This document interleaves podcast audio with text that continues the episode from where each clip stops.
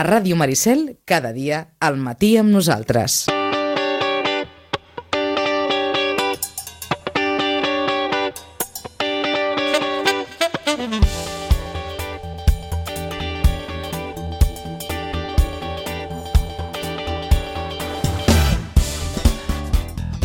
Dilluns 18 de desembre de 2023 fem repàs, com dèiem, del que ha donat de si la darrera jornada d'aquest 2023. Diríem que amb alegria sin decepcions no sé si dir a parts iguals, però en qualsevol cas, si parlem de futbol, per exemple, en recordarem que aquest 2023 s'ha finalitzat tant pels Sitges com pel filial amb, amb un empat, l'empat a un que va aconseguir el primer equip a les Terres de l'Ebre, al camp del Tortosa Ebre, i l'empat a dos del Sitges B, a Aigua Dols, el passat dissabte davant el Sant Pere Molanta, un Sitges que bé, com a mínim podrà dir que aquest 2023, esportivament parlant, li ha estat molt, molt, molt bo, perquè serà l'any de l'històric ascens a la primera catalana. En fi, repassarem eh, com ha anat aquesta darrera jornada, no pas de la primera volta, perquè encara en queden dues, sinó de l'any, tant a primera com a tercera catalana. En bàsquet, recordarem que el bàsquet Sitges va guanyar dissabte a la pista de l'Esparreguera per 56 a 59. Al final, una victòria treballada, més ajustada del que es preveia, perquè el conjunt d'Edu Pinheiro va arribar a tenir un màxim avantatge de més 17 a la segona meitat. Derrota, en canvi, del Club Patí Subursitges, que va caure a la pista de l'Horta per 5 a 3, i això que el conjunt de Jofre Vilar es va posar amb un 0 a 2 favorable al marcador. Al final, en un partit molt d'anada i tornada, el conjunt de l'Horta, segon a la classificació, es va acabar imposant. Urgeix, en certa manera, per aquest club Patí Subursitges intentar recuperar quan més aviat possible les bones sensacions que, si més no, l'equip va tenir a principi de temporada. I el Rupi Club Sitges, que va caure de forma clara, de forma contundent, en la seva estrena en la divisió d'honor catalana el passat dissabte, aquí al polivalent de Pinsbens i davant el vigent campió, l'Andorra, doncs va acabar perdent per 3 a 50. Això i la resta de marcadors des d'ara fins les 12.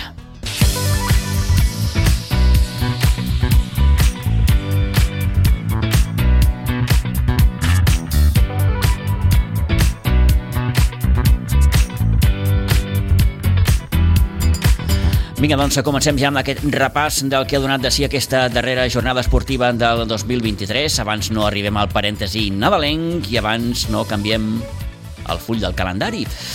A la preferent de juvenils, la Blanca Subur tanca en aquest 2023 amb una derrota, la que va patir 0-3 davant el Nàstic de Tarragona en partit que es va jugar el passat dissabte amb el Nou Pinsbens. Una derrota que en certa manera talla la dinàmica positiva que l'equip eh, semblava haver trobat amb les dues últimes victòries consecutives davant el Base Reus i també davant l'Europa. La manca de dos partits per tancar la primera volta, recordem que la Blanca ocupa el darrer lloc de la classificació amb d'Escuer amb 10 punts. Per la seva banda, el juvenil de segona divisió divisió amb les vam posant 0 a 2 al camp del Ribes, un resultat que deixa la Blanca ara mateix en el tercer lloc de la classificació a dos punts del segon i a tres del líder.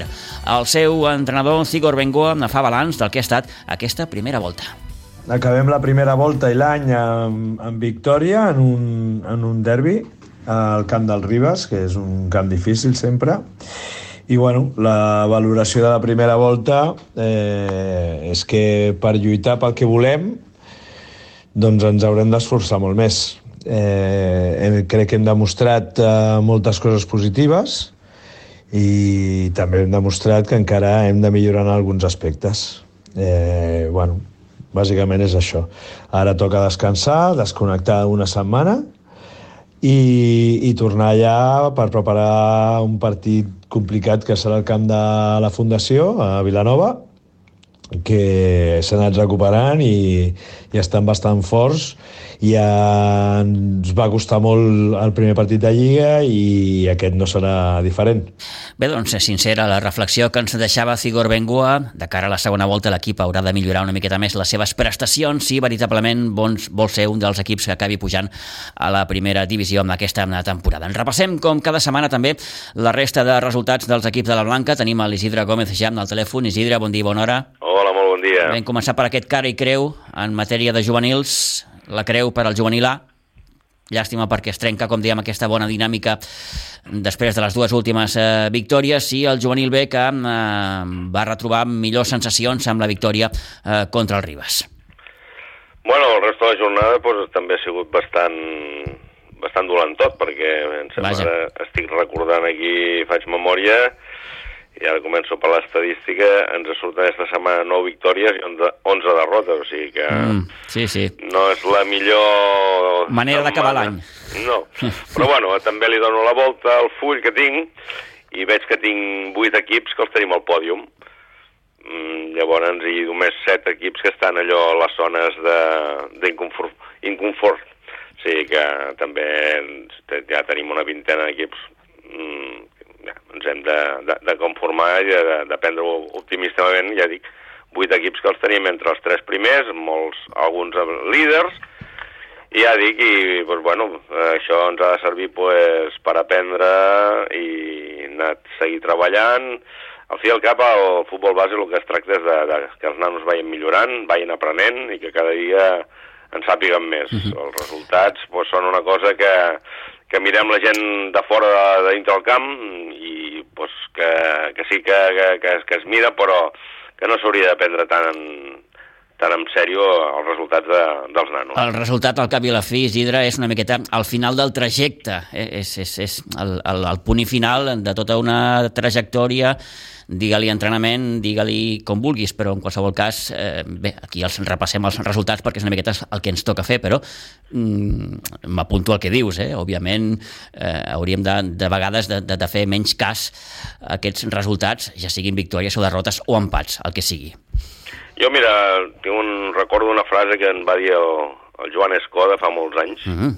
que eh, quan els nanos li preguntaven i per què perdem? I ell els hi contestava, diu, mira, a la teva vida futbolística hauràs de guanyar tants partits, no hauràs d'empatar tants ni hauràs de perdre tants. Quan abans gastis els de perdre, abans començaràs a empatar i a guanyar. Sí, o sí. sigui que... Una- I, el, I els nanos se'l miraven així i diu, ah, mira, sí, és Sí, sí, veritat. una bona reflexió, la del mestre Escoda, sens dubte. Ah, això mateix. bueno, Vinga. pues ja desitjar-vos des de la Blanca Suburt un bones festes, una millor entrada d'any, i bueno, dir que el, nosaltres ara acabem aquest dimarts ja els entrenaments de tots els equips, i l'únic el dimecres eh, farem una jornada especial pels, pels més petits, que farem com si fos un dissabte, ja que aquest dissabte no la tindran aquesta setmana, Mm. i, i així que tancarem a l'any i ens tornarem a retrobar ja el proper any. Perfecte, doncs bones festes també per tota la gent de la Blanca Subur, que el 2024 ens porti d'entrada salut, perquè sense salut doncs estem fotuts i no faríem res. Aquí Sí. tinc un tra... no sé si nota la veu. Sí, ara anava a dir que una mica constipat, el noto Sí, sí. vostè, però bé. Això, això d'estar al camp... Sí, sí, sí, sí, passa factura. Molt bé, Isidre, doncs, eh, agraït eh, que passeu bones festes, eh, tant tu com la teva família, la família de la Blanca, i ens retrobem, si Déu vol, el 2024, d'acord? Moltes gràcies, igualment a tots. Adéu-siau. Adéu.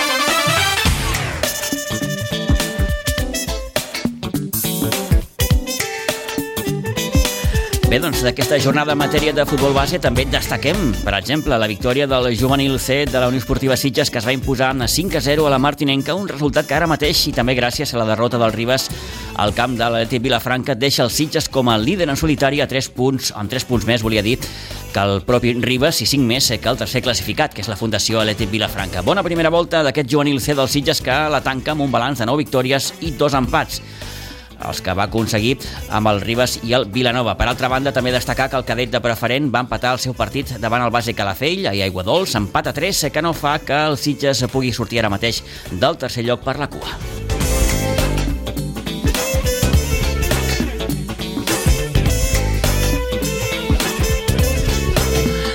Deu i 55 minuts del matí anem a la primera catalana perquè la Unió Esportiva Sitges s'ha tancat aquest 2023 amb l'empat a les Terres de l'Ebre, un empat a un davant un Tortosa Ebre que s'avançava al marcador gairebé al quart d'hora de partit, amb- fent l'1 a 0 i Geri, només 4 minuts més tard, el 18, aconseguia l'1 a 1 que acabaria sent definitiu, malgrat que uns i altres van tenir ocasions prou bones per eh, desequilibrar amb aquesta balança. Toni, bon dia, bona hora. Bon dia, bon dia, Peter. És just l'empat?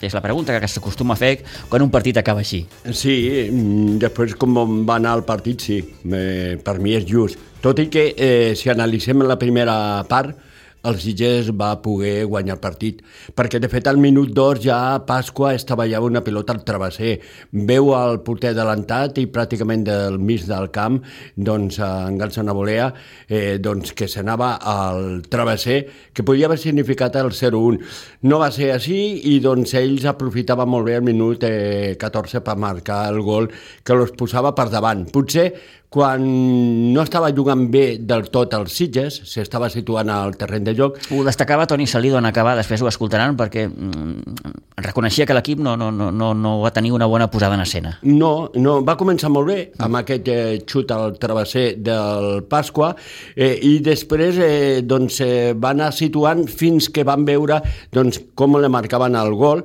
que era l'1 a 0, a partir d'aquí el Sitges va començar a jugar més, controlar més el mig del camp, sortint bé, i Geri marcava l'empat a un. Amb aquest resultat, mm, José també té un parell mm, d'acostaments eh, i un molt de perill que el porter va estar molt acertat. El Sitges té més opcions en aquesta primera part, juga millor que el rival, tot i que el rival per mi és un dels millors equips que jo he vist amb la pilota, doncs toca molt bé la pilota eh, i va jugar una molt bona primera part, però va ser superior al Sitges perquè va tenir més ocasions. En la segona part canvia la truita. Esperem un Sitges més o menys de combatiu com a la primera part, un Sitges treballador, un Sitges doncs, buscant les bandes, un Sitges eh, buscant a les seves puntes d'atac, però doncs, eh, perd la posició de la pilota i és l'equip local el que té la posició de la pilota i el que genera més acostament, no clares pilotes de perill, sí que Lucas Cajes té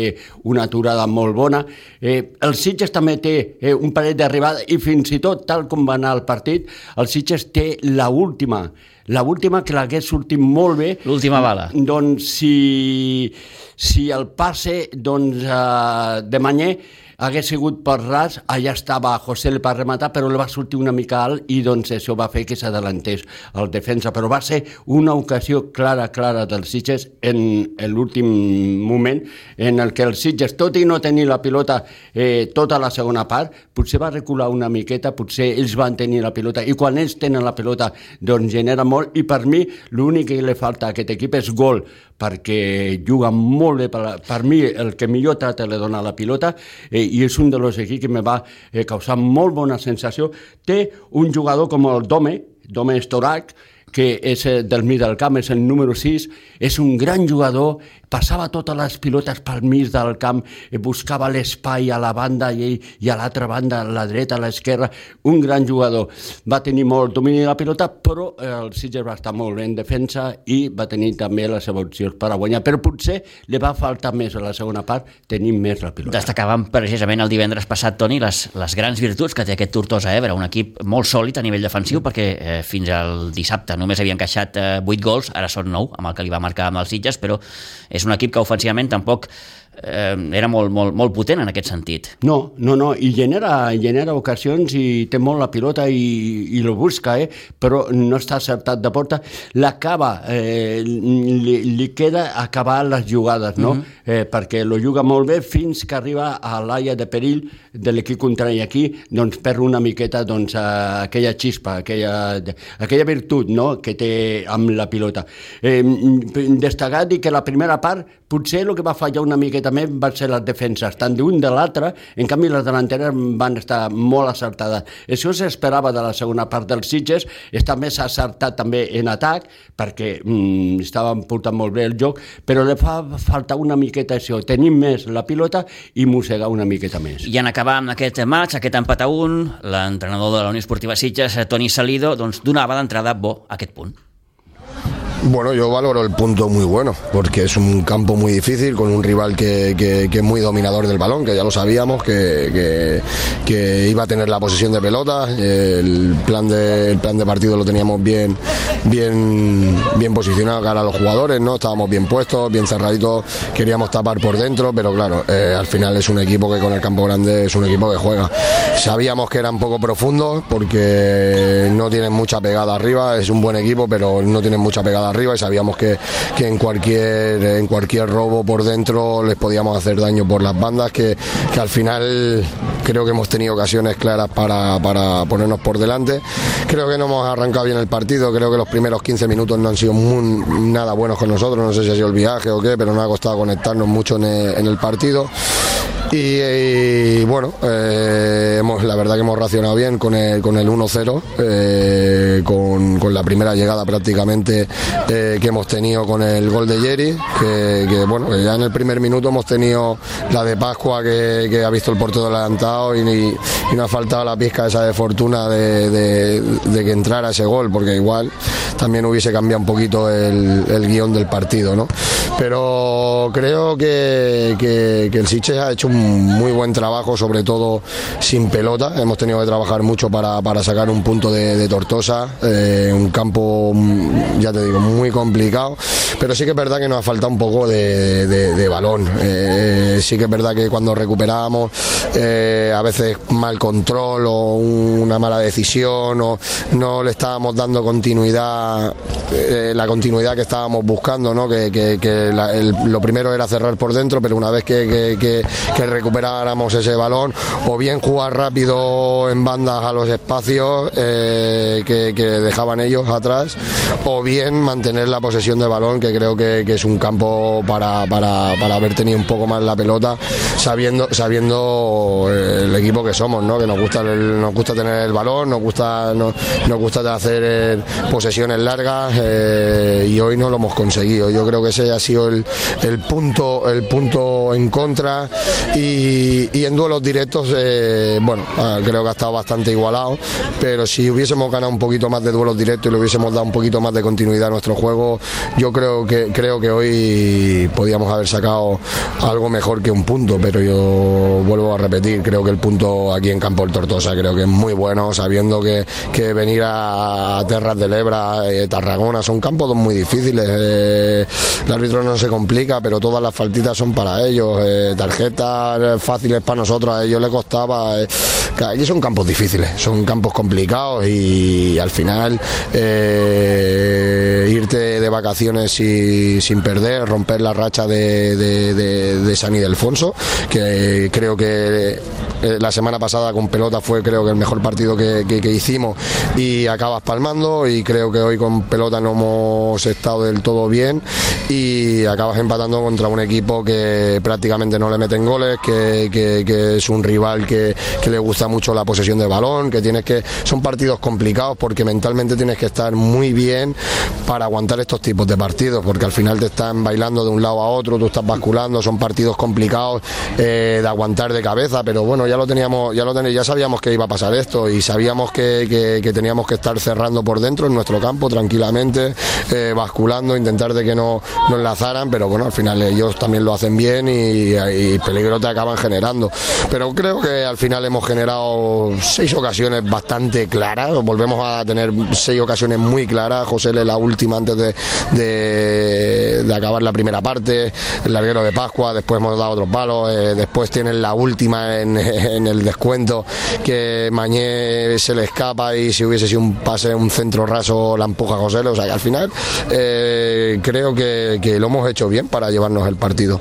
Y nada, eh, sí que es verdad que igual cara, cara, cara al aficionado ha sido un partido vistoso, pero creo que hemos hecho un partido muy práctico, muy, muy serio, eh, en todo momento hemos sabido lo que teníamos que hacer, pero sí que es verdad que eh, vuelvo a repetir, nos ha faltado un poco de continuidad en el juego, haber estado un poquito mejor con, con balón. Pero por todo lo demás eh, este equipo vuelve a trabajar muy bien. Y defensivamente hoy hemos tenido que, trabajar mucho para sacar un punto de aquí y romper la racha que de, de, de, la derrota, bueno la racha no, al final es la derrota de la semana pasada, pero bueno eh, romperla en el campo del Tortosa creo que, que es un punto bueno no, buenísimo eh, potser la segona part Toni, eh, l'ha faltat als Sitges tenir més la pilota, fer la pressió que no tinguessin tant ell la pelota, no? Bueno, eh, al final era complicado porque eh, van pasando los minutos y también te vas desgastando. Entonces, al final lo que lo que intentas es de, de intentar cerrar líneas de pase porque ellos jugaban muy bien por dentro para abrir a banda y generar lo- los dos contra uno en banda y estábamos intentando evitar eso. Sí que es verdad que, que, bueno, eh, sí que podíamos haber dado un paso para adelante, pero ellos mismos se regulan, han preferido tapa- cerrar, meterse un poco más en nuestro campo, no salir tanto porque ya vienes de, de- de- de un desgaste grande durante todo el partido, que al final no puedes aguantar corriendo como detrás de la pelota durante muchos minutos, ¿no? Entonces ellos han preferido meter, dar un pasito atrás, estábamos las líneas bien juntas, eh, hemos, hemos defendido bien, porque al final creo que las ocasiones que tienen ellos son fallos nuestros, fallos nuestros, fallos a un mal control, eh, un mal despeje, un, ma- un mal pase, un robo. Al final las ocasiones que les damos son fallos nuestros, pero por todo lo demás eh, el trabajo está, está, está muy bien, la verdad que la verdad que ha sido un muy buen trabajo con mejora, con mejora mm, a la hora de, de- de- de tener la posesión de balón, pero, pero la verdad que estoy bastante contento. Eh, fa dos canvis, que potser eh, Saliu eh, i Pasqua, eh, potser els dos eh, jugadors que podien desequilibrar en aquell moment. M'imagino que Saliu és perquè va a coix una miqueta, lo de Pasqua no ho sé. Bueno, eh, el, el partido, el partido estaba, como tú bien decías, que, que nos estaba costando llegar a defender y creo que con Mañé la velocidad que tiene, la velocidad que tenía también, eh, creía que, que nos podía, nos podía dar y a la hora de defender teníamos a Montesinos y a, Mañé que son más defensivos que Saliu. Saliu es, totalmente ofensivo y, creía en ese, en ese momento de que, de que teníamos que aguantar el resultado y salir a la contra que, que a la prueba está que hemos tenido la última con él, que se la ha llevado a- de cabeza, se va a- se ha metido hasta línea de fondo y ha podido lograr meter el centro. Lástima que no ha sido efectivo el centro, pero, pero si hubiese sido efectivo, pues eh, hubiese salido hubiese salido bastante bien el cambio. Y el tema de Pascua simplemente porque quería buscar velocidad igual por banda. eh, Serra, Serra podía, podía darme un poquito de velocidad y eh, en cualquier robo que, que pudiésemos dar por dentro.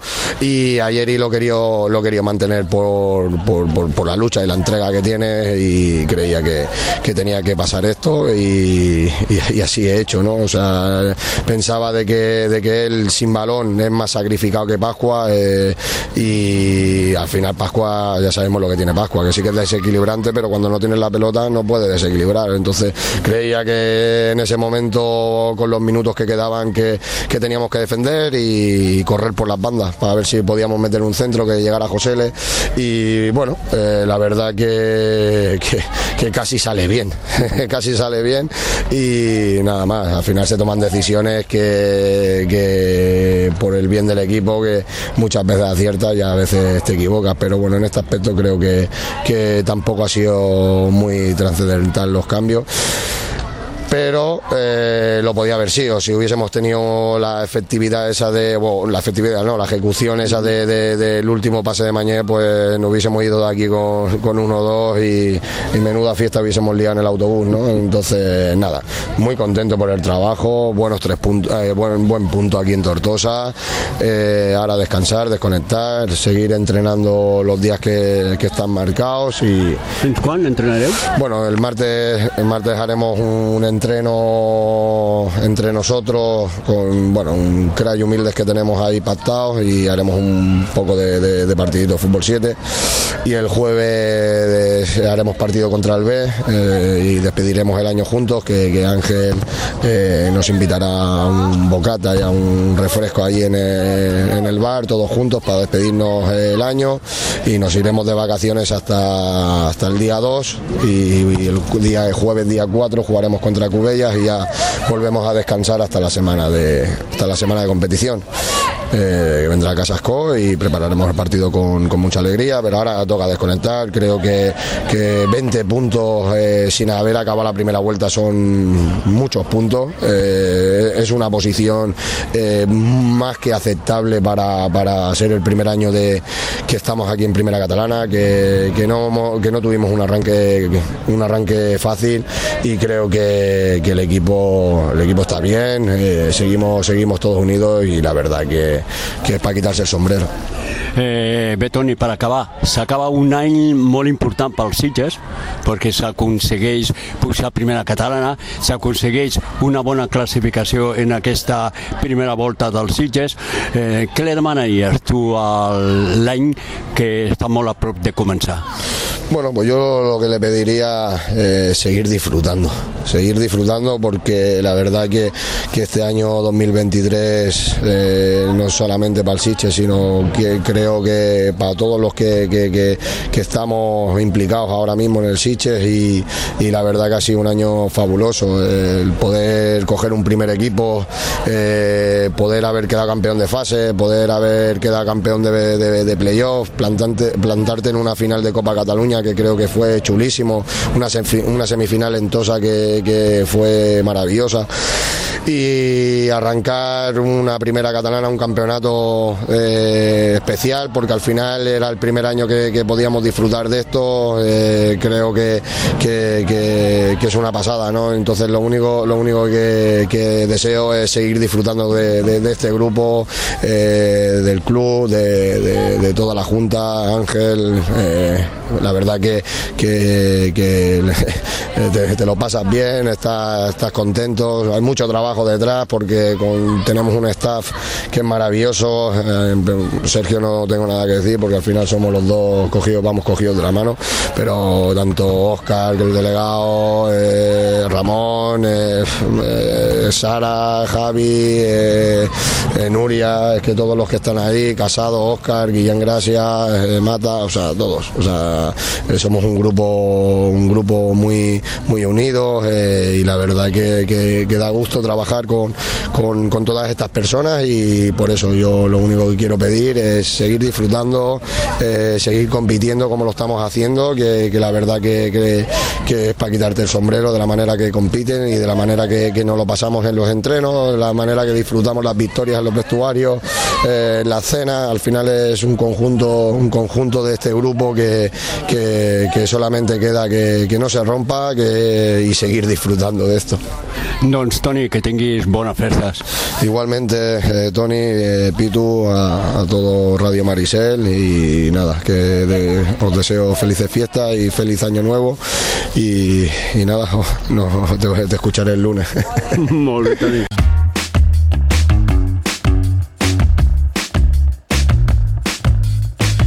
Bé, doncs, bones festes també pel Toni Salido, pels seus i, en definitiva, per tota la família de la Unió Esportiva Sitges. Que el 2024 sigui, com a mínim, igual que el 2023. Sí, eh, com a mínim... Perquè, clar, igual, eh, aquest 2023 ha estat molt bo. Si és igual, serà molt bo, eh? Sí, sí, sí, Eh, sí. Serà molt bo perquè doncs, això vol dir que estaran lluitant eh, per l'ascens. Eh, no aconseguir la categoria, no, sí lluitant per l'ascens. Eh? Queden dues jornades per cloure la primera volta. Al Sitges encara li queden els partits de l'Escó i el Canonja. En aquesta tretzena jornada destaquem, per exemple, la victòria 1-2 del Vilanova al camp del Sarrià, l'empat a 0 del Sant Ildefons al camp de l'Escó, la victòria de l'Atlètic Sant Just 2-3 amb el Sant Feliuenc i la derrota a casa 0-2 de la Fundació Leti Vilafranca davant el Morell. Això fa que el Vilanova sigui ara mateix líder en solitari amb 29 punts, seguit de Sant Ildefons amb 28, Sant Just amb 26 i Martorell amb 25. Al Sitges el trobem en aquesta sisena posició amb 20 punts. Morell 11, el Callà 9 i Sarrià 6 són els tres darrers classificats. I encara queda, Toni, tot un món.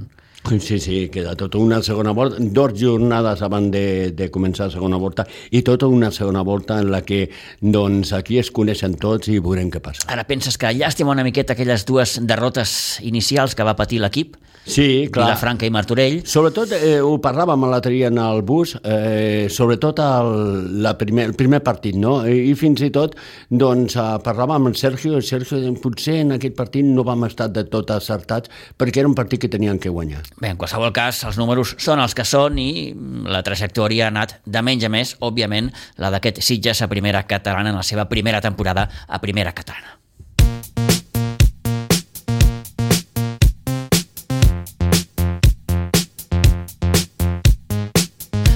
Gairebé un quart de 12 del matí i amb un empat també va tancar l'any el Sitges B, un empat a dos el passat dissabte al municipal d'Iguadols davant un Sant Pere Molanta que, després d'encaixar l'1-0 de Dani Tamayo al minut 5, va capgirar el marcador amb dos gols als minuts 24 i 52. Menció especial per al gran gol que marcava Iker Pujol en un llançament de falta que enviava la pilota a l'escaire de la porteria d'Enric Brunat. Àlex Casanyola, a només 6 minuts del final i amb un xut molt ajustat des de la frontal de l'àrea, marcava el gol que suposava l'empat a dos definitiu en un maig que va acabar amb cert regús agradols amb tres expulsats, dos per part dels Sitges, que van ser Pau Junyent i Dani Tamayo, i per part del Molanta també va veure la vermella de Jorge Ramírez. Bé, tampoc va passar res l'altre dijous, però en qualsevol cas, Toni, aquest empat a dos que fa que el Sitges eh, allargui una miqueta més aquesta bona dinàmica. Deia, i ara ho escoltaran Àlex Villalgordo, el tècnic, que potser han estat massa empats i que això doncs, ha restat o, o ha fet que l'equip ara mm, tingui... Mm, vegi els de dalt una miqueta més lluny. Sí, sí, més que res per els empats, perquè de fet és un equip que ha perdut els partits, eh? Lo de més... Eh... Crec que són cinc empats. Sí, són cinc empats, clar, cinc empats i restes, doncs són cinc punts que podien haver significat 15, Tot i no? que estic d'acord, els, els dos empats que tu fas amb l'Espiral i amb el Riu de Villes són empats que en aquell moment valoraves perquè venies de perdre contra el Pierre i contra el Ribas. Sí, clar. En aquell moment tu veies aquells empats positius. Clar, i són positius, perquè és Espirall i és Villas, no? I després empat amb el Fàtima, que també per mi és un empat positiu. Potser l'empat que no és tan positiu és l'empat de la Múnia. Aquí sí que tens que guanyar perquè un equip que anava aleshores mm -hmm. anava mm, pràcticament doncs, amb molt poc punts i això ho tenia que aprofitar el Sitges. Lo de més, jo penso que sí. L'empat aquest amb el Molanta. El Molanta és un equip que té molta entitat, ara, que és un molt bon equip. No em va eh? desagradar. Destacàvem el divendres que, que és un equip que no tenia bons números fora, però a mi la posada en escena que va tenir aquest, aquest Sant Pere Molanta no em va desagradar. Sí, a més el camp l'anava com a anell del sí, sí, dit. un equip molt, un, molt, molt dinàmic. Molt... És, és un camp petit que pel Molant acostumat al seu camp, que també és petit, uh -huh. doncs l'anava bé doncs, al municipal, no? No va fer un bon partit el Sitges B, tot s'ha de dir. Mm, I després li vaig preguntar amb el, amb, amb, amb el míster, no? que jo tenia aquella sensació que l'equip en cap moment va tenir el control absolut del partit. I això, clar... I al final el partit és ara tu, ara jo, ara tu, ara jo. I això ho nota molt Sitges. Sitges té que tenir el control del partit quan mm. realment, i sobretot aquí al municipal, que està molt acostumat a tenir el control del partit, quan no ho tens, eh, doncs te, te passa aquesta cosa. Tot i que per mi aquest empat al Molanta, dintre que tan sol és un, un empat, però és un bon punt perquè el Molanta compta que se farà molt de jutge en aquest campionat. Bé, doncs el míster del Sitges B, Àlex Villalgordo, que analitzàvem en acabar amb aquest empat que deixa l'equip cinquè a la classificació amb 23 punts. La part positiva, doncs que l'equip porta 9 jornades sense perdre. La menys positiva, com dèiem, que potser s'han empatat masses partits. Bueno, al final és, és molt difícil valorar aquest partit perquè ha tingut moltes fases, ha tingut eh, fases de control, ha tingut moltíssimes fases de descontrol. Llavors, fer, fer un repàs, un resum, un, una valoració és difícil perquè jo crec que ha sigut molt obert, hem tingut eh, els dos equips pues, ocasions. Eh, un altre cop jo crec que ens condenen errades individuals que, que hauríem d'intentar que no succeeixin, però bueno, eh, content per una part de, de veure com l'equip lluita fins al final i descontent perquè al final són sis empats crec que, que sumem ja i ja vaig comentar un dia que aquests empats s'han de convertir en victòria si volem estar a dalt. Tens la sensació que l'equip en cap moment ha tingut el partit controlat del tot? No com normalment fem. Sí que és veritat que ells, una, ells són un equip molt, molt potent, molt nerviós, molt elèctric, que, que ja t'obliga i t'exigeix a, a viure un partit eh, a, dos, a 2.000 revolucions. Eh, segona part jo crec que hem, hem sapigut controlar més el partit, eh, més la pilota, però arrel de, ja et dic, de que s'han ficat ells per davant, hem canviat el sistema, hem fet un sistema superofensiu en tres defenses, dels quals una pivot, dos carrilers que, que eren davanters, i quan semblava que teníem ocasions i tot, les dues expulsions es, es toca una mica i, i ja canvia el partit, però bueno, jo crec que ho hem intentat, hem, hem estat molt a prop de, del tercer gol i ens hem de quedar amb això.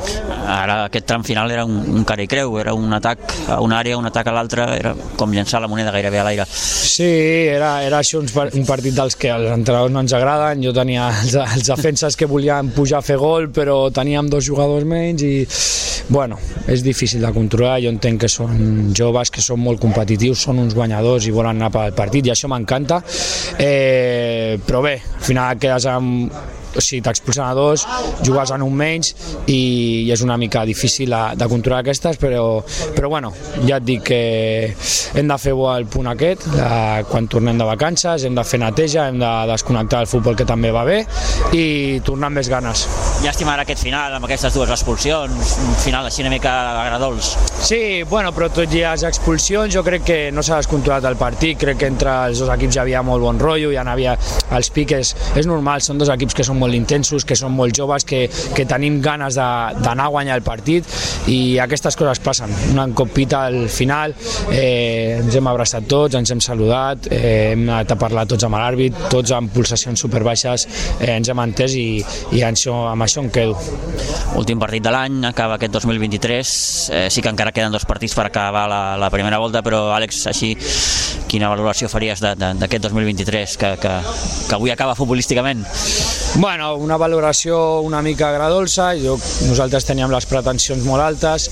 Sí que és cert que un cop passem al batxe del Ribas i, i del, i del Piera, eh, tot el que sigui sumar era bo, vam, vam girar la partida i, i això és positiu. Jo crec que anem amb molt bona dinàmica, controlem molts partits, eh, som superiors en molts partits, que no arriben els resultats, pues, seguirem treballant per, perquè arribi. La valoració és positiva, tot i que ens agradaria tenir molts més punts, lògicament.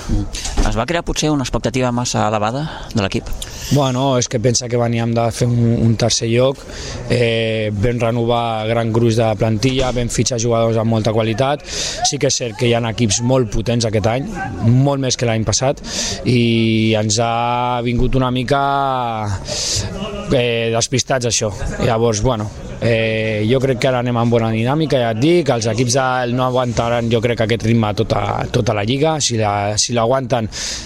eh, llavors estan perquè s'ho mereixen i nosaltres hem de continuar igual i, i treballar per, per convertir aquests empats en victòria. Arribats a aquest punt, Àlex, eh, esperaves estar una miqueta més, més amunt, a aquestes alçades? Bueno, més a prop, més a prop dels de dalt sí, perquè al final estàvem tots molt il·lusionats, els jugadors també, i veure't a 7-8 punts és com que no pots fallar perquè si no tens més pressió, perquè veus que si falles se t'allunyen més i llavors és, és molt difícil jugar amb aquesta pressió.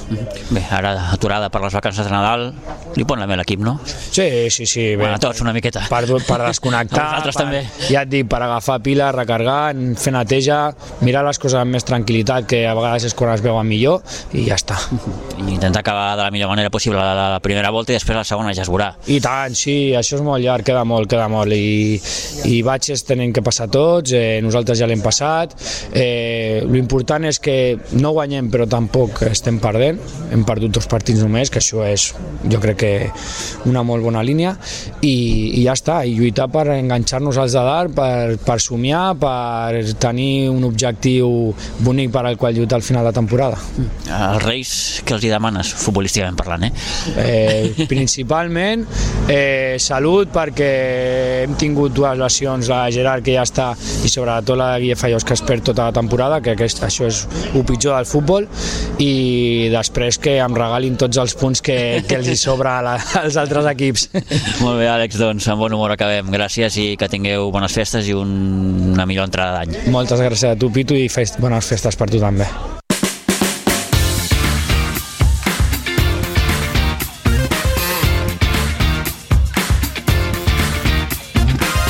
Bé, doncs, no ha estat un mal any per al Sitges B en aquest 2023, tot i que, com li preguntàvem a l'Àlex Villa, si probablement s'havien creat mm, expectatives massa elevades no? a l'entorn d'aquest equip, Toni, potser. Sí, perquè porta un parell d'anys que queda molt bé a la classificació, ha quedat tercer, tercer quart, l'any passat va quedar tercer, eh, clar, eh, i a més en aquesta alçada el Sitges estava lluitant amb el Pierre, amb el Vilanova, Vilanova del Camí, del Camí sí, amb el sí, Vilanova sí, del Camí per, per, per, per jugar per l'ascens, no? Eh, sí que aquest any no ha començat, però tot i això és una bona trajectòria perquè tan sol ha perdut dos partits, sí que ha empatat molts, però ha perdut dos partits, està allà eh, i encara queda tota una segona volta. Eh? Què destaquem d'aquesta tretzena jornada en el grup 13 de tercera catalana? Doncs bé, la derrota del Ribas 2 a 1 al camp del Bas Espirall, eh, la victòria 4-2 del Fàtima davant les Cabanyes, eh, resultat que amb la resta de resultats eh, combinats doncs, fa que el Fàtima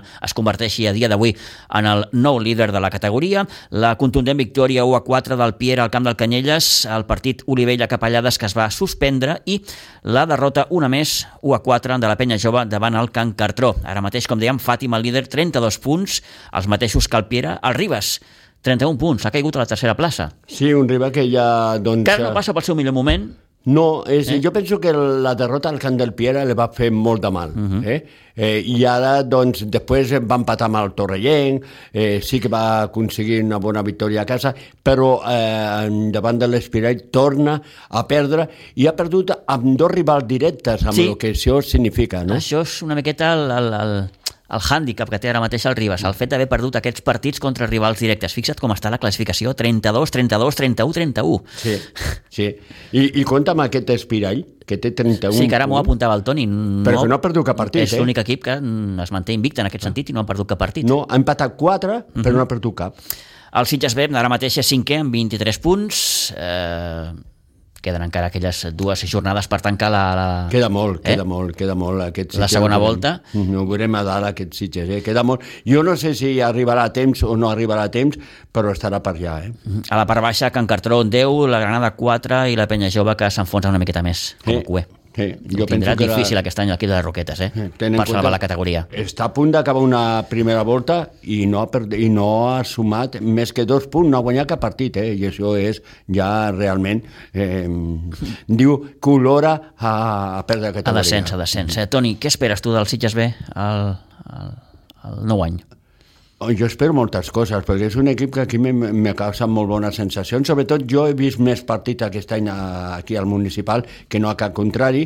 Eh, jo espero moltes coses d'aquest Sitges B. Jo penso que aquest Sitges B eh, estarà a dalt jo, com he dit abans, no sé si arribarà a temps o no arribarà a temps en lluita amb el Fàtima. Va molt fort i el Piera també. Per mi, el Piera és un de los que tapadets eh, poc aconseguir moltes coses. Sí, perquè parles més d'un Fàtima, d'un Ribas, Sí. d'un Bas Espirall... mm, Que no part d'un Piera que acaba de bueno, pujar, Piera, eh? Sí, sí, que està, que està allà, que està guanyant els seus partits, que està guanyant eh, a rivals directes. Ja. I té un equip més, eh, més compacte, el Fàtima té un, un sensacional equip, però té jugadors amb molta experiència que han jugat en categoria molt alta, i això què vol dir? Que quan tinguin una derrota eh, se la poden prendre d'una altra manera. En canvi, el Piera mm, és un equip més, més, més fet per, per mantenir la categoria, en canvi, imagina, està a dalt del tot. Estava intentant recordar què li queda al Sitges B per tancar la primera volta. Crec que és Can Cartró i Capellades. Són Sí. aquests dos rivals els que haurà de jugar.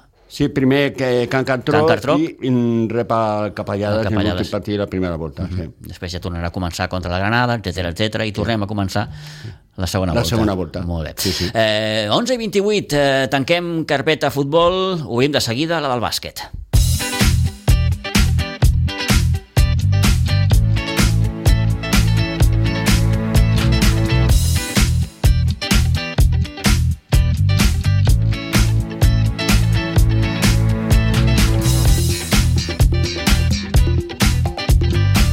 Acostant-nos, com dèiem, al punt de dos quarts de 12 del matí, parlem de bàsquet perquè en el bàsquet Sitges s'acomiada de l'any amb una ajustada eh, victòria a la pista de l'Esparreguera. Els eh, Dedo Pinheiro, que van arribar amb un màxim avantatge de més 17 eh, al segon període i es van acabar eh, imposant de només 3 punts, 56 a 59. Avantatge de 7 punts al descans amb un 20 a 27 i els dos darrers parcials eh, que van acabar sent favorables a l'Esparreguera, 18 a 15 i 18 a 17.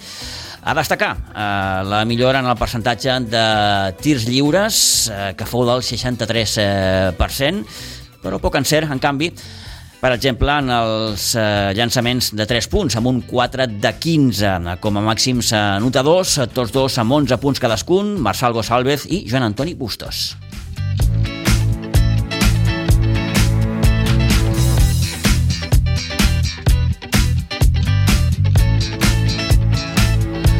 Tant, el bàsquet Sitges que tanca amb aquest 2023 amb un balanç eh, positiu, 8 victòries i 3 derrotes queden encara, recordem, dos partits per tancar la primera volta, el partit que haurà de jugar amb el Sant Just el proper dia 13 de gener a Pinsbens i el desplaçament que haurà de fer a l'Hospitalet per enfrontar-se amb el centre catòlic. Ara mateix lidera la classificació d'aquest grup 4 de la primera categoria en aquest campionat de Catalunya.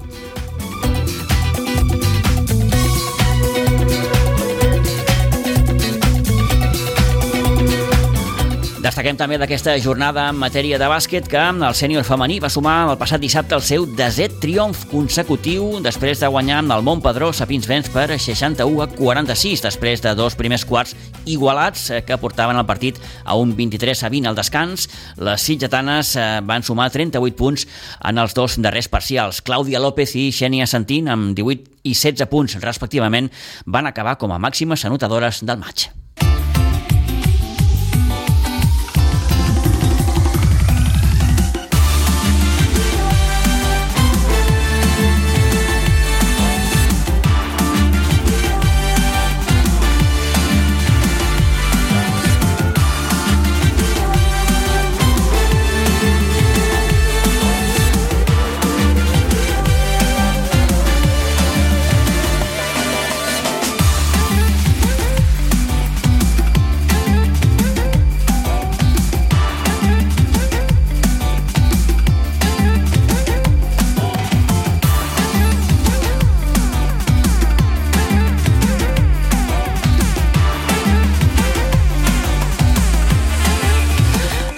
Pendent una petita conversa amb Joan Antoni Bustos, amb uh, un dels jugadors del bàsquet de Sitges. De moment sembla que no, no podrà ser. Dos quarts i un minut de 12 del matí, Anem a l'hoquei patins perquè el Club Patí Subursitges clou aquest 2023 amb una derrota, la que va patir en la seva visita a la pista de l'Horta, on els de Jofre Vilà van acabar perdent per 5 a 3. Com el dia del Vilafranca, els sitgetans van aconseguir posar-se per davant, en el cas del dissabte passat, amb un 0 eh, a 2, eh, que al final doncs, l'equip no fou capaç de saber gestionar de cara a la segona meitat en un partit molt d'anada i tornada. Gerard Morera, eh, Albert del Río i Isaac Martínez van ser els autors dels tres gols d'un club patí Subursitges que s'acomiada de l'any amb un balanç negatiu i ara mateix tercer per la cua. Precisament un dels golejadors, Gerard Morera, el jugador del Club Patí Subursitges, ens parla del partit de dissabte amb l'Horta, amb el desig també que l'equip pugui recuperar de cara al nou any les bones sensacions que va tenir a principi de temporada. Un partit que portàvem plantejant ja en els entrenaments previs, perquè la pista de l'Horta és una mica diferent a les que estem acostumats a jugar, és més petiteta, fosca, eh, dona, dona peu a molts de contraatacs, a un joc menys calmat, no? És un partit bastant físic i tot això ho havíem estat entrenant uh, als entrenaments anteriors i realment el partit es va donar tal com nosaltres volíem. Eh, vam jugar una primera part molt bona, on estàvem dominant clarament. A la segona part se'ns fiquen... Bueno, en, ens empaten anàvem 2-0 guanyant i ens empaten, ens fan el 2-2 però igualment i així seguim, seguim endavant eh, gestionant el partit amb, amb el patró de partit que teníem, teníem entrenat. I probablement sigui els últims minuts del partit on els nervis, la tensió, eh, perquè ens tornem a posar per davant, però els nervis i la tensió de, del partit, que ja et dic, era un partit eh, poc habitual, perquè era molt d'anar amunt i avall, de, de porteria a porteria, molt físic, et fa, et fa viure en un estat d'estrès que, que has de ser ràpid pensant o requereix de molts canvis perquè la gent que tinguis a pista estigui fresca i, i això comporta doncs, que en algun moment potser les decisions no siguin correctes. I el, aturar una miqueta el partit, tot i que fos complicat, o jugar a la nostra zona de confort, Segurament no ho van fer suficientment bé perquè ens van acabar girant la truita i es van posar per davant. Eh, dubtosos de si alguna acció o alguna falta eh, pitada per l'àrbit seria correcta o no, però tampoc recau tot al final del partit o que ells ens guanyin per, per aquest motiu. Al final va ser... Havíem d'estar en una tessitura que era estressant, eh, i vam vam, vam segurament estressar-nos més del que, del que, del que havíem d'estressar-nos i, i ens van girar la truita. I bueno, doncs estem en un moment que sí, contra els equips grans veiem que la diferència no és, no és tan gran, eh, perquè els hi plantem cara, perquè pateixen i perquè potser fins al final del partit no, no ens acaben enganxant eh, i estem en aquest punt de, que ens falta un petit plus de creure'ns-ho i un petit plus de controlar situacions de partits que hem tingut controlats la majoria part del partit, però al final la, la deixem perdre l'oportunitat per, bueno, per estrès o, o, o per, per situacions que se'ns, se no sé, ens trobem incòmodes o per dir-te alguna cosa, i, i ens giren la truita també. I, bueno, no, no ens falta motivació, sí que és una mica d'orillo, no?, que comences bé els partits i acabes amb situacions i, pues, que no t'esperes i fa una miqueta de, de mal en aquest sentit, però amb ganes. I ara, doncs, aprofitarem l'aturadeta aquesta de Nadal, a veure si ens serveix per fer un bon reset i tornar amb totes les ganes que ja la tornada és contra Vilanova i ganes hi haurà segur. A veure si, si ho podem donar tot i tornar com estàvem al principi de la temporada, que estàvem una miqueta millor i, i amb més convicció i a per totes. Bé, doncs això és el que ens comentava Gerard Morera, eh, jugador del primer equip del Club Patí Subursitges, amb el desig de retrobar les millors sensacions eh, que va tenir l'equip, sobretot eh, quan va començar la temporada i esperar ja, després del parèntesi nadalenc, el partit al derbi amb el Vilanova a Pinsbens.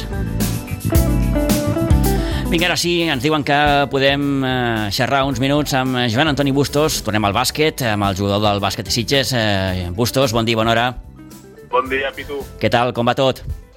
Molt bé, aquí competint eh, tota la temporada. Molt bé, és, és un bon final, eh? aquesta victòria, un bon final d'any, em referia a Esparreguera, victòria 56-59, partit que veu tenir eh, força ben controlat, veu arribar a tenir, com, com dèiem, un màxim avantatge de, de, de 17 punts, al final sí que una miqueta l'Esparreguera va, va, us va posar les coses difícils.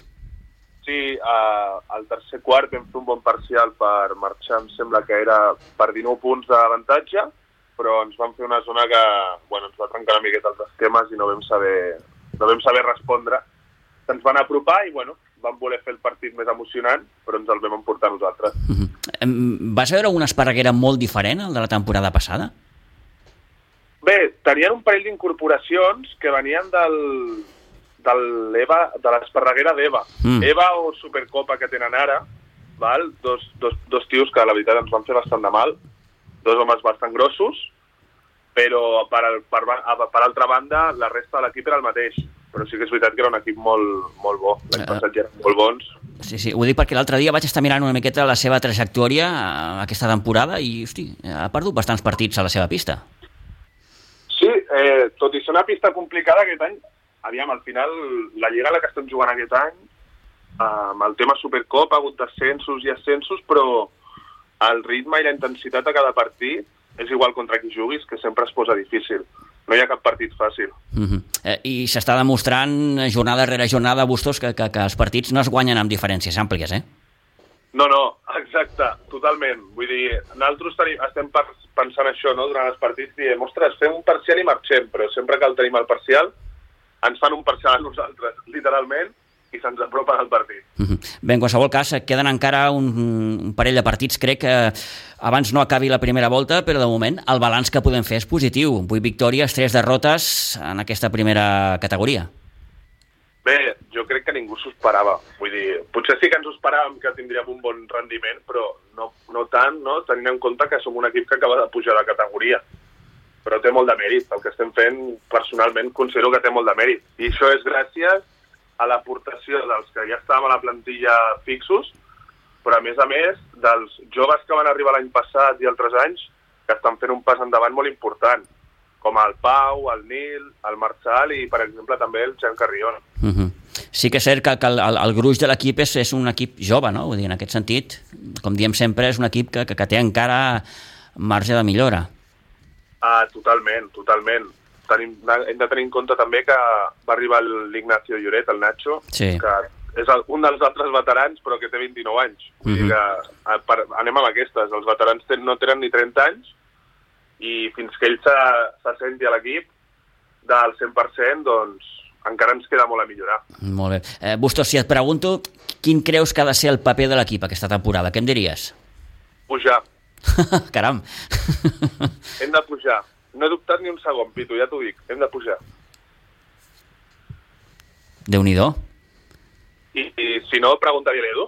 L'Edu segur que et dirà el mateix. No, no, no, l'Edu no. L'Edu segur que no em diu pujar. No, no, No, guanyar no. la Lliga. L'Edu em diu eh, eh, el clàssic partido a partido. Bueno, clar, aviam, sí, no? Partit a partit, però que volem pujar. Molt bé. Eh, Et, ets el primer que escolto dir tan obertament que, que, que, que es vol pujar aquesta temporada, eh? Però, escolta'm... Ah, sí? Sí, sí, sí, sí, sí, sí. No? Bueno, bueno, però això de cara a la revi- a l'entrevista no es diu, però després ho penses. Sí. Estem tercers a la classificació, hem, com vam, vam competir contra el segon classificat i, bueno, va, van guanyar per casuístiques, però qualsevol es podria haver portat al partit. Mhm. Bé, doncs, eh, amb, aquest, amb aquest desig no? de- d'intentar l'ascens de, de categoria, falten, però, com diguem, aquests dos partits per tancar la, la, la, la, primera volta.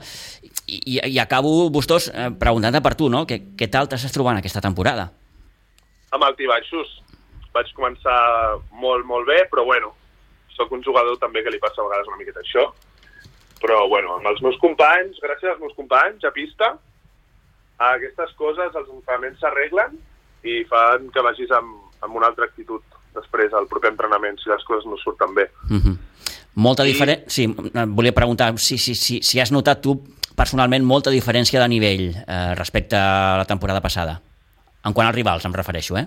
Um, tot, és que sí, sí, perquè realment sí que poder l'any passat hi havia equips de, de la part baixa de la classificació que tenien bastantes més mancances, però que després et donaven guerra igual, no?, depenent del dia. Uh -huh. Però sí que és veritat que hi ha equips molt potents, hi ha equips molt potents, amb especialistes en línia de 3 o persones, jugadors que han estat a categories molt altes, i això es nota, això es nota, la veterania, l'experiència de, de certs equips, que per més que facis bé les coses, doncs tenen molt millor lectura de joc que els que tenien l'any passat. Dels tres partits que heu perdut, quin és el que més ràbia et fa? Ja ho saps, Pitu. ja ho saps, el Riba, eh? Sí, sí. no sé. Per això t'ho preguntava. Per això t'ho preguntava. Eh, aquell dia va ser una llàstima, eh? Bueno, és el que et deia, per, per, per casuístiques, no? L'àrbitre per una decisió que mira, doncs és molt discutible, però bueno, que al final podria haver passat al revés. Sí, aquell antiesportiva amb el Pau, no? Mm. Sí, una, una falta que dius, ostres, el Pau està fent bona feina i una falta absurda, no?, que realment per reglament seria un tir lliure, però els hi van donar una antiesportiva i van tenir moltes opcions per, per poder remuntar el partit i posar-se per davant. Mm -hmm. Bo, bona temporada també del Ribas, tot s'ha de dir, eh? Sí, home, oh, i tant, la veritat. Fan una... Estan fent un canvi molt important en, en comparació a l'any passat, ja per les incorporacions que tenen, vulguis o no, tenen el noi aquest, bueno, noi, aquest senyor que, que és un veterano que, a part de que és, el té veterania, és un home que està tot el partit, dins del partit, vull dir, no marxa. Falli els tirs que falli, seguirà tirant i no dubta. És, potser si, si ho comparem amb, amb vosaltres, ells tenen aquell puntet més d'experiència, de, de, d'experiència, de veterania, digue-li com vulguis, eh? també són més anys a, a la categoria. Sí, no, no. Uh, portar tants anys a la categoria, nosaltres ser els nous, a la, això es nota. Això es nota, i a part és que ells han tingut jugadors, parlem del Botí, no? el Sí, Josep sí. Agustí, aquest noi, el Damián, em sembla que es diu, Sí, sí, sí. que han estat jugant a categories altes i que, mira, poden tenir cinc partits dolents, però quan ve el Sitges o ve un derbi, fan el millor partit de la seva vida. Uh -huh. Bé, doncs eh, així estan les coses de moment. Eh, Bustos, gràcies per, per haver atès la nostra trucada. Eh, mm, que tinguis bones festes. Igualment. Eh? Eh, no sé si són dies allò per, per, per desconnectar del, del, del bàsquet o ets dels que et costa desconnectar? Doncs mira, sincerament, uh, jo no, no em puc desconnectar del bàsquet, però a més a més hauré d'estar treballant, que hauré d'estar treballant al Fort de Pau on treballo, al Frumento, Mm -hmm. I com ara venen Nadals amb els panetones i aquestes històries, estem tot el dia treballant. Molt bé, molt bé. Vale, Tito? Perfecte, perfecte doncs bona feina eh, i bones festes, que vagi molt bé. Moltes gràcies. Adéu-siau.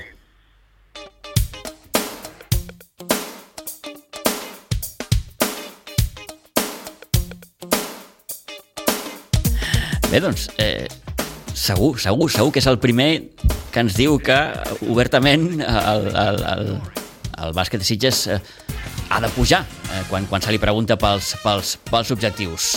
En qualsevol cas, bé, celebrem aquesta uh, opinió tan, tan, tan sincera d'en Joan Antoni Bustos, del jugador del primer equip del bàsquet Sitges, que, com dèiem, de moment té aquest balanç positiu de 8 victòries i 3 derrotes i esperant ja el partit que els enfrontarà amb el Sant Just el proper dia 13 de gener. 3 quarts de 12, deixem el bàsquet ara sí, anem en uns moments al rugby.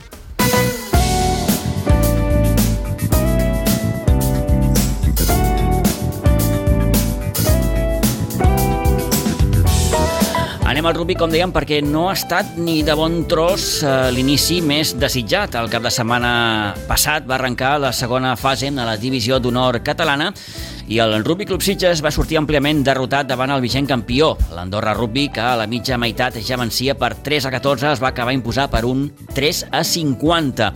Els sitgetans no van ser capaços de notar cap assaig i els únics eh, tres punts eh, van arribar en un cop de càstig que va transformar Hugo Pablo a la primera meitat. L'entrenador del Rugby Club Sitges, Isaac Richmond, ens dona tots els detalls del partit de dissabte amb l'Andorra.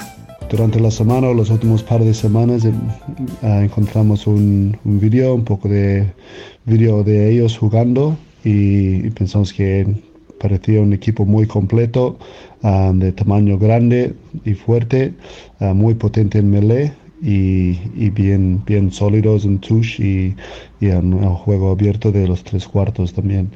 Entonces, um, para nosotros, antes de este partido, teníamos las últimas tres semanas para recuperar después de un buen partido que jugamos en casa contra los Spartans de Granollers hace tres semanas, sin lesiones, y durante las últimas tres semanas recuperamos casi todos los jugadores, so, entramos con una plantilla muy buena por, por, lo que tenemos disponible. De, de, los jugadores que estaban entrenando últimamente, casi todos estaban disponibles, menos, menos dos o tres.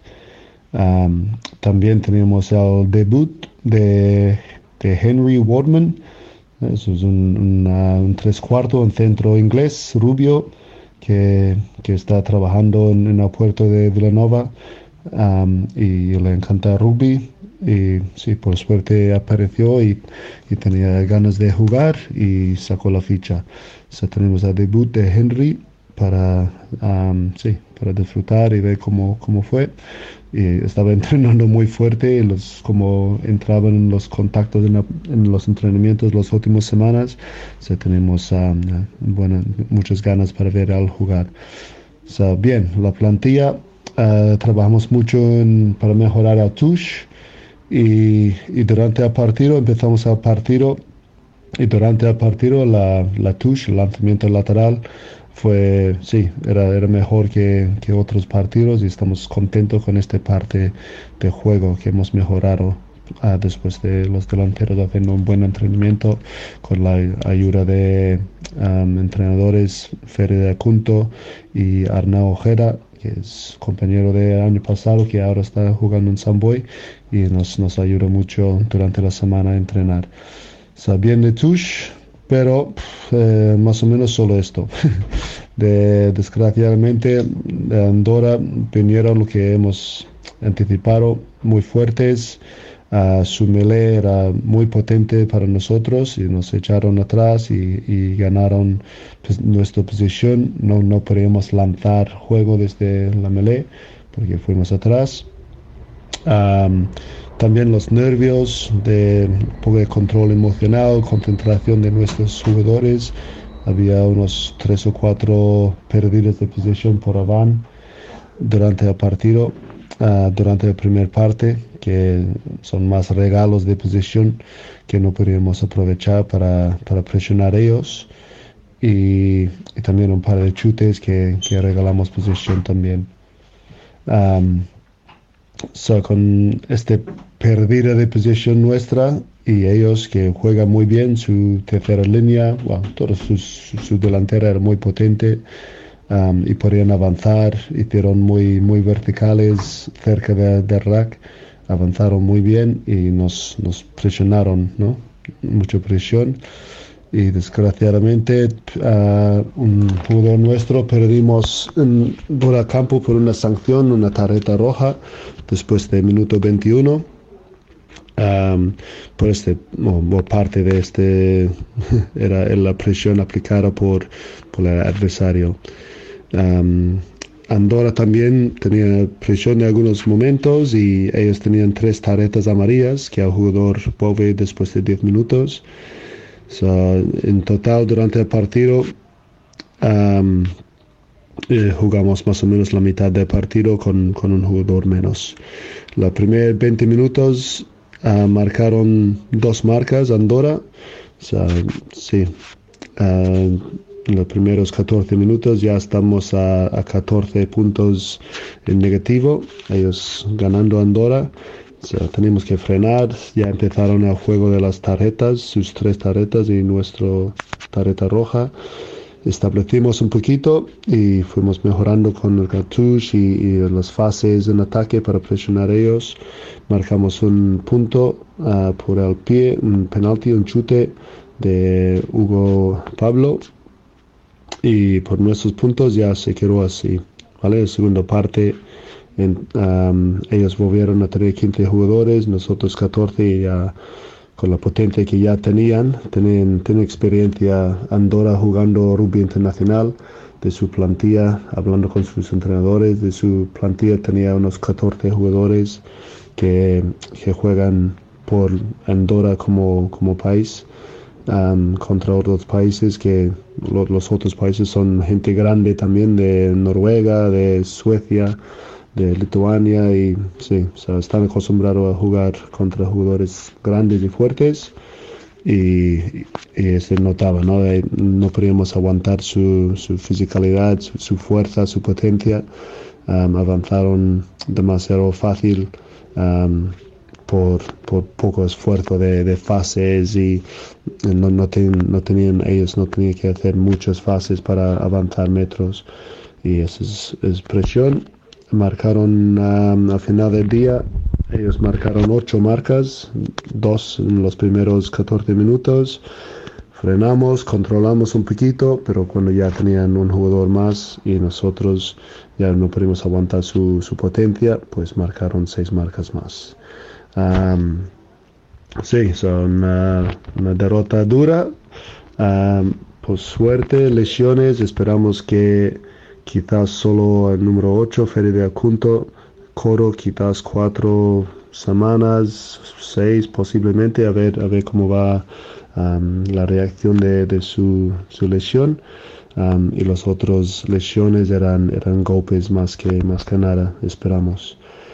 en próximo partido, 13 de enero, contra Barça Rugby en la Taixonera, fuera de casa y anticipamos tener pues um, un jugador por la sanción de la tarjeta roja. Supongo que va um, a tener una sanción de no sé qué dos cuatro semanas algo así um, la posible lesión de Fere y, y un jugador que también tiene exámenes importantes de medicina. Sí la plantilla recuperamos cuatro o cinco jugadores esperamos pero quizás hemos perdido tres vamos a ver, seguimos trabajando, tenemos durante las navidades, entrenamos en cambio de cuatro um, entrenamientos o partido cada semana, bajamos a dos y, esperamos que las, las navidades, las navidades no, no nos uh, um, castigan demasiado.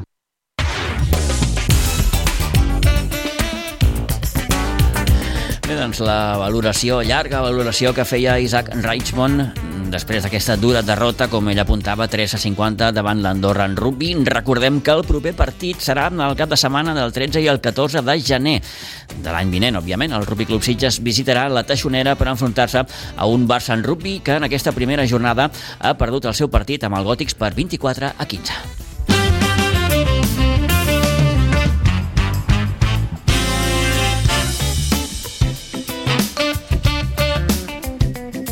I com apuntava Isaac Richmond, que el Nadal doncs, no passi massa factura de cara a la tornada a la feina per encarar ja en aquest segon partit amb el Barça en rugby eh, però déu nhi com ha començat aquesta primera jornada a la divisió d'honor catalana, almenys per al cas del Rugby Club Sitges amb aquesta derrota, com dèiem, àmplia davant el vigent campió, davant l'Andorra Rugby. Deixem el rugby, anem al futbol sala perquè el primer equip del futbol sala Sitges ha tancat aquest any amb una derrota a la pista del líder, el Sala 3 en Gavà per 4 gols a 2. Ens diuen, ara ho escoltaran, que no va ser un partit massa agradable d'empassar. De, de, L'equip cadet, per la seva banda, va disputar ahir la seva segona eliminatòria de Copa Catalunya, malauradament va caure eliminat perquè va perdre 1 a 2 a Pinsbens davant el Castelldefels. Sant Joel Losada, una setmana més, en fa la crònica d'aquesta jornada.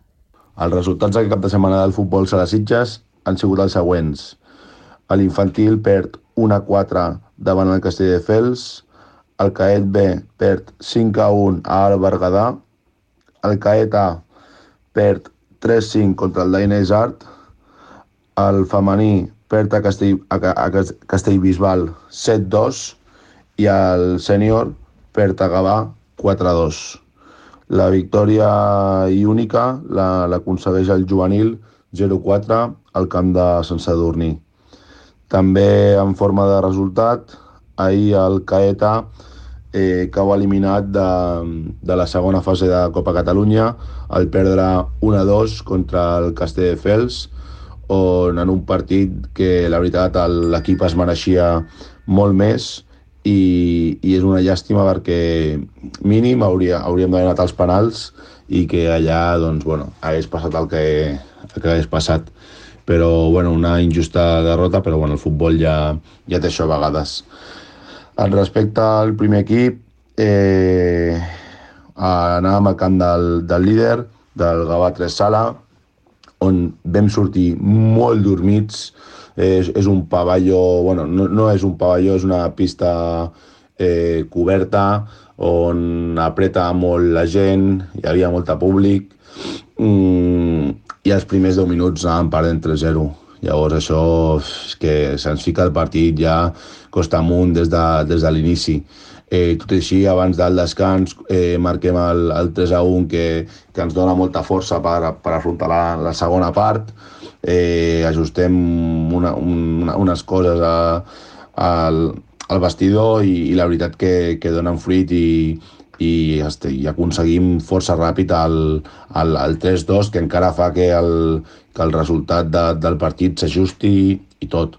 Quan millor estàvem, eh, uns insults eh, contra, contra el nostre equip, eh, faltes de, de respecte, de racisme, bueno, de, de tot. L'àrbit decideix parar el, el partit i que és el que hauria d'haver fet, eh? Però clar, justament quan millor estàvem és quan el partit s'atura uns 6-10 minuts i això realment ens va, ens va trencar la, la dinàmica. Eh, tot així tenim 3-4 ocasions molt clares per poder marcar i ficar-nos per davant, però no, no, no entren i al, no sé, a falta de dos minuts ens marquen un gol de, de penal amb d'unes mans que són involuntàries però acaben sent mans i l'àrbitre acaba, acaba decidint pitar el, el penal i ja ens marquen. Eh, és una llàstima perquè volíem acabar l'últim partit de l'any amb, amb una victòria i sortir d'allà de, de la zona de descens. No ha pogut ser, però, però bueno, tampoc, tampoc estem tan malament com ens pensàvem. Si ho comparo amb la temporada passada, eh, a dia de, del peron de Nadal, estem amb 5 punts, 5 punts menys que, que l'any anterior. Vale? I l'any anterior érem allà que, ostres, que a casa guanyàvem tot i fora sí que no guanyàvem res, però mira, tampoc, tampoc estem tan malament com ens pensem.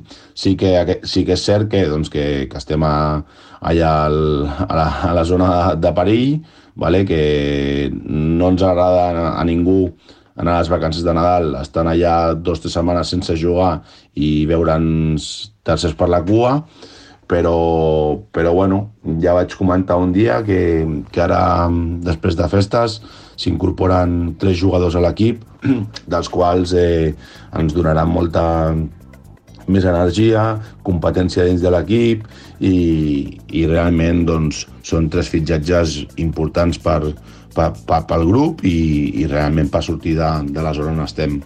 Bé, doncs els millors desitjos també per la gent del futbol sala Sitges, després de la crònica que ens heu fet una setmana més en Joel Lozada. Aquí acabem, esports, fins l'any que ve. Toni, gràcies. Molt bé. Bones festes, Igualment. bona entrada d'any i ens en retrobem l'any vinent. I a vostès, demà més, a partir de les 9. Adéu-siau, bon dia.